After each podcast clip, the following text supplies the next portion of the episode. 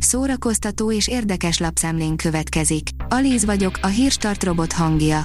Ma augusztus 15-e, Mária névnapja van. A Blick írja, szerelmes levelekkel árasztották el a lányok, a fiúk horgászni hívták, tutajos egyszer sem nézte meg a tüskevárat. Mindössze 13 éves volt Seregi Zoltán, amikor az egész ország megismerte őt a tüskevár tutajosaként. A Fekete István regényéből készült, 1967-ben bemutatott 8 részes ifjúsági filmsorozat azonnal hatalmas sikert aratott, és máig gyakran tűzik műsorra a csatornák.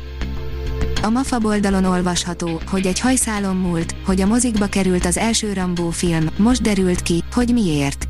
Nagy utat járt be a franchise Rambo 5, utolsó vérig, arról azonban ritkán esik szó, hogy az első rész kis híján a premierig sem jutott el. Amiről nem beszélünk egy betegség kapcsán, írja a Librarius. Senka Marics nem csak a rákot, de a gyógyuláshoz vezető kezeléseket is túlélte. A testkincugi nem túlélési módszer, inkább tudósítás. A pokolból. Trauma és gyógyulás melegát nevelés után, írja a 24.hu. A saját bőrön ejtett vágások, elnyomott csikkek, pánikrohamok és öngyilkos gondolatok vezettek el a boldogságig azoknál, akik azt hitték, a melegség imával megváltoztatható.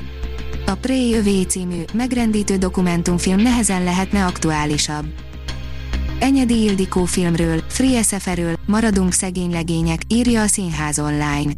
Kamaszkorában szeretett bele Füst Milán regényébe, viszonylag magányos gyerek volt, aki sokat olvasott, a feleségem története pedig különösen elbűvölte. Enyedi Ildikót új filmje kapcsán kérdezte a 168 óra.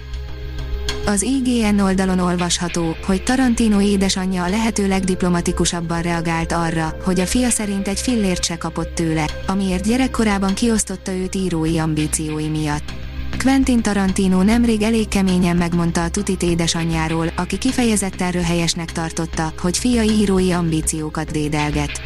Tarantino állítólag ezért nem adott neki pénzt luxus cikkekre, ám nem kellett sokáig várni arra, hogy a mama is reagáljon.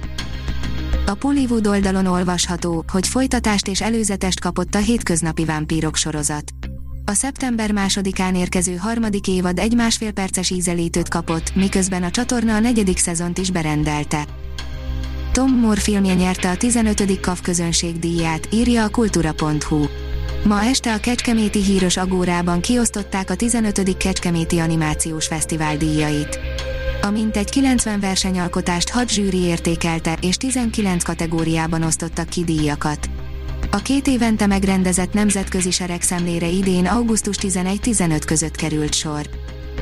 A port.hu oldalon olvasható, hogy meghatározott ideig tartó együttlét a Lupa autós moziban. Vasárnap este a felkészülés meghatározatlan ideig tartó együttlétre című filmet nézhetjük meg a Lupa Drive-in autós moziban.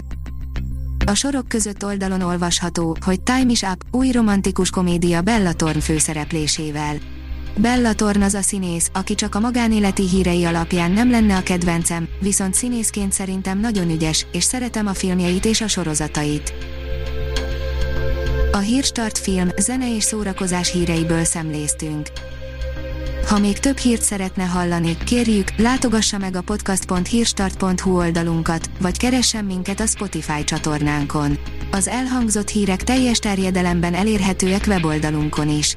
Ha weboldalunkon hallgat minket, az egyel korábbi adás lejátszása automatikusan elindul. Beállíthatja, hogy az összes korábbi adás, vagy csak az aktuális tematika hírei következzenek. Köszönjük, hogy minket hallgatott!